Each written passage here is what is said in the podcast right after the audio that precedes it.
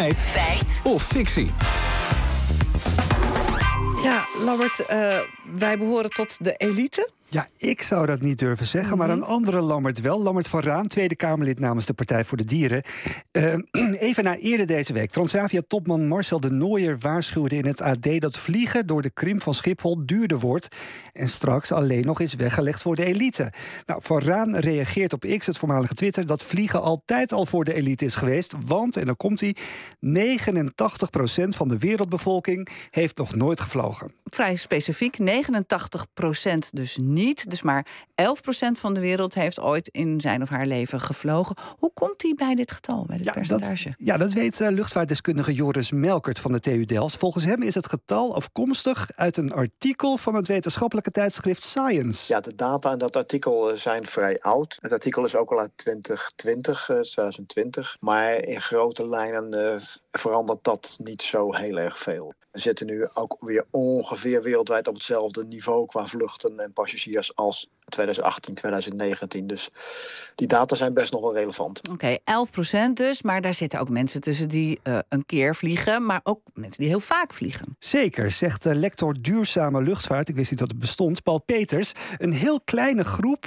pakt vaker het vliegtuig, vertelt hij. We hebben wel eens uitgerekend dat als je gaat kijken uh, naar het aandeel van de wereldbevolking, dat tenminste één keer per jaar een uh, retourvlucht maakt, dat dat in de buurt van de 3, 4 procent ligt. En dan weten we ook nog dat een klein aandeel van de, van de wereldbevolking, maar 1%, die vliegen vele keren per jaar. En er zijn er ook die ja, dat dan eens in de 10 jaar of zo doen, of een paar keer in hun leven. Uh, en als je die dan uh, ook allemaal nog afhaalt, dan kom je op die 11% uit. En dat getal dat, uh, heb ik wel eerder gelezen, dus dat, dat vertrouw ik wel. Oké, okay, dat is dan wereldwijd. Maar hoe zit het in Nederland? Ja, dat weet Toon Hij is onderzoeker bij het Kennisinstituut voor Mobiliteitsbeleid.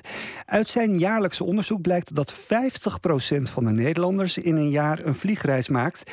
En in die groep verschuift jaar op jaar niet zo heel erg veel, zegt Zijlstra. Maar als we dus alle jaren op elkaar stapelen, zien we dat 30% van de volwassene Nederlanders geen enkele vliegreis gemaakt heeft.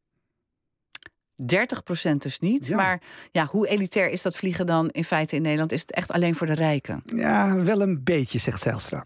Vliegen is nog steeds sterk verdeeld langs uh, lijnen van inkomsten.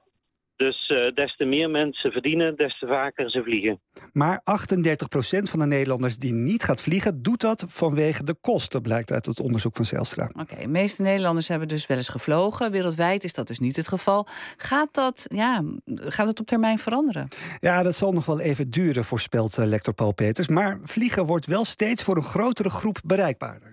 Ja, dat zijn cijfers wel. Als we er uh, niks aan doen met z'n allen, als we daar geen, geen afspraken over gaan maken, dan uh, zal dat uh, langzaam toenemen. De landen waar het het hardst groeit, dat zijn de opkomende economieën. En dan, dan moet je zeker aan China denken. Je ziet ook dat Indische luchtvaartmaatschappijen veel capaciteit bijkopen, dus die verwachten dat ook. Ja, waar Indisch wordt gezegd, wordt Indiaas bedoeld. Stop de tijd. Oké, goed. Nou, tijd voor de conclusie.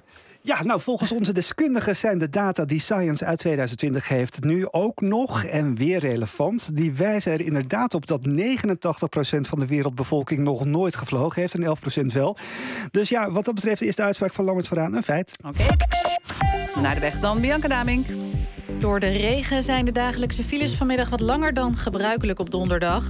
Wat opvalt is nu ook een ongeluk in Noord-Brabant op de A2 van Eindhoven naar Den Bosch.